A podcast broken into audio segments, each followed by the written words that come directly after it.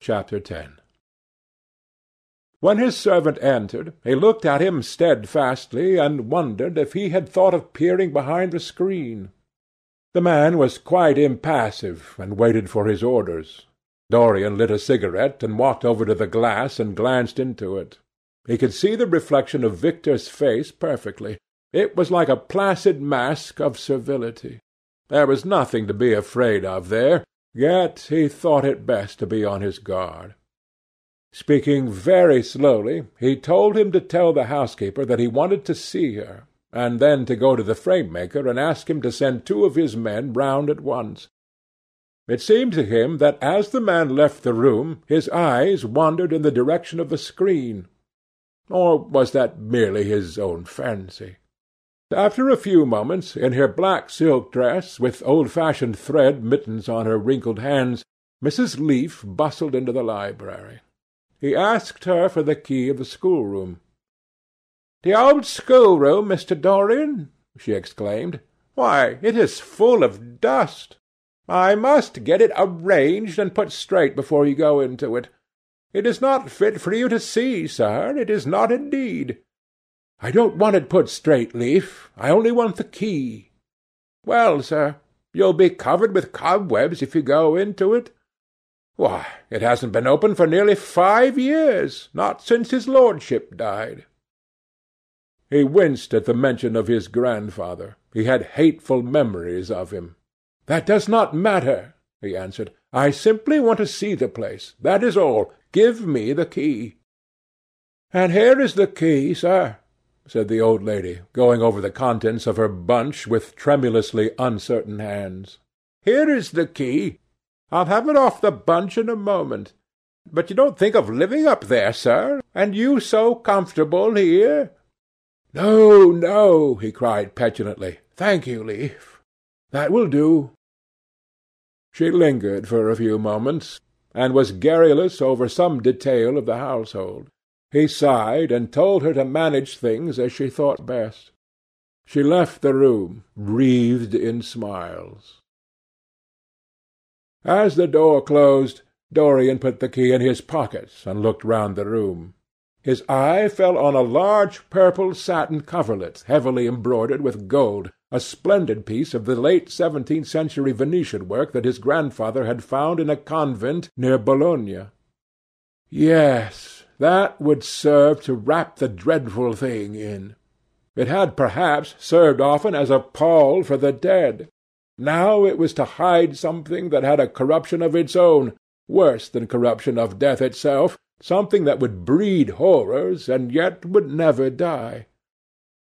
What the worm was to the corpse, his sins would be to the painted image on the canvas. They would mar its beauty and eat away its grace.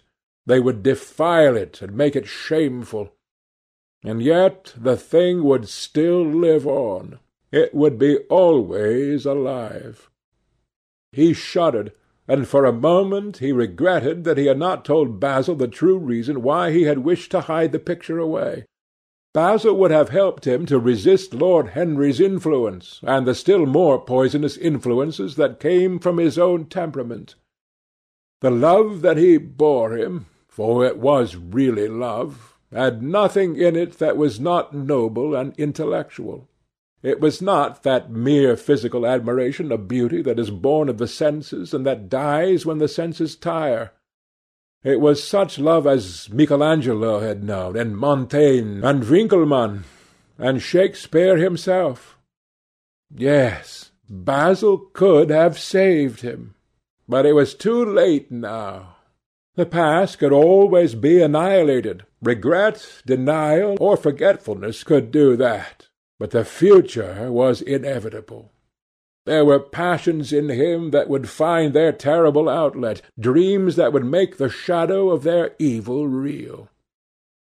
He took up from the couch the great purple and gold texture that covered it, and holding it in his hands, passed behind the screen. Was the face on the canvas viler than before? It seemed to him that it was unchanged, and yet his loathing of it was intensified gold hair, blue eyes, and rose-red lips, They all were there. It was simply the expression that had altered. That was horrible in its cruelty. Compared to what he saw in it of censure or rebuke, how shallow Basil's reproaches about Sibyl Vane had been! How shallow, and of what little account! His own soul was looking out at him from the canvas, and calling him to judgment. A look of pain came across him, and he flung the rich pall over the picture. As he did so, a knock came to the door. He passed out as his servant entered. "The persons are here, monsieur." He felt that the man must be got rid of at once. He must not be allowed to know where the picture was being taken to. There was something sly about him, and he had thoughtful, treacherous eyes. Sitting down at the writing-table, he scribbled a note to Lord Henry, asking him to send him round something to read, and reminding him that they were to meet at eight fifteen that evening. "Wait for an answer," he said, handing it to him, "and show the men in here. In two or three minutes there was another knock, and Mr. Hubbard himself, the celebrated frame-maker of South Audley Street, came in with a somewhat rough-looking young assistant. Mr. Hubbard was a florid, red-whiskered little man, whose admiration for art was considerably tempered by the inveterate impecuniosity of most of the artists who dealt with him. As a rule he never left his shop. He waited for people to come to him but he always made an exception in favour of Dorian Gray. There was something about Dorian that charmed everybody. It was a pleasure even to see him. "What can I do for you, Mr. Gray?" he said, rubbing his fat freckled hands. "I thought I would do myself the honour of coming round in person. I have just got a beauty of a frame, sir. Picked it up at a sale, old Florentine. Came here from Fonthill, I believe. Admirably suited for a religious subject, Mr. Gray." "I am so sorry you have given yourself the trouble of coming round, Mr. Hubbard.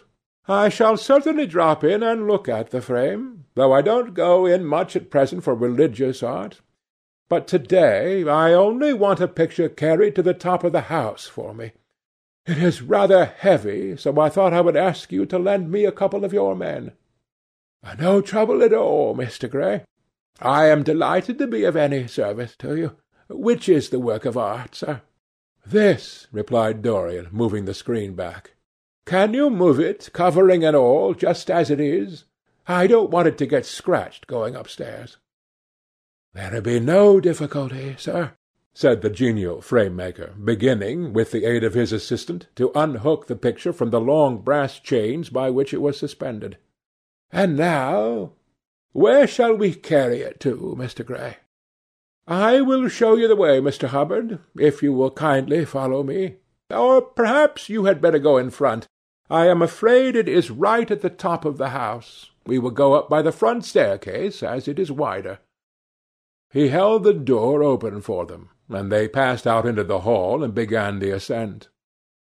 The elaborate character of the frame had made the picture extremely bulky, and now and then in spite of the obsequious protests of Mr. Hubbard, who had the true tradesman's spirited dislike of seeing a gentleman do anything useful, Dorian put his hand to it so as to help them. "Something of a load to carry, sir," gasped the little man when they reached the top landing, and he wiped his shiny forehead. "I am afraid it is rather heavy murmured Dorian, as he unlocked the door that opened into the room that was to keep for him the curious secret of his life and hide his soul from the eyes of men.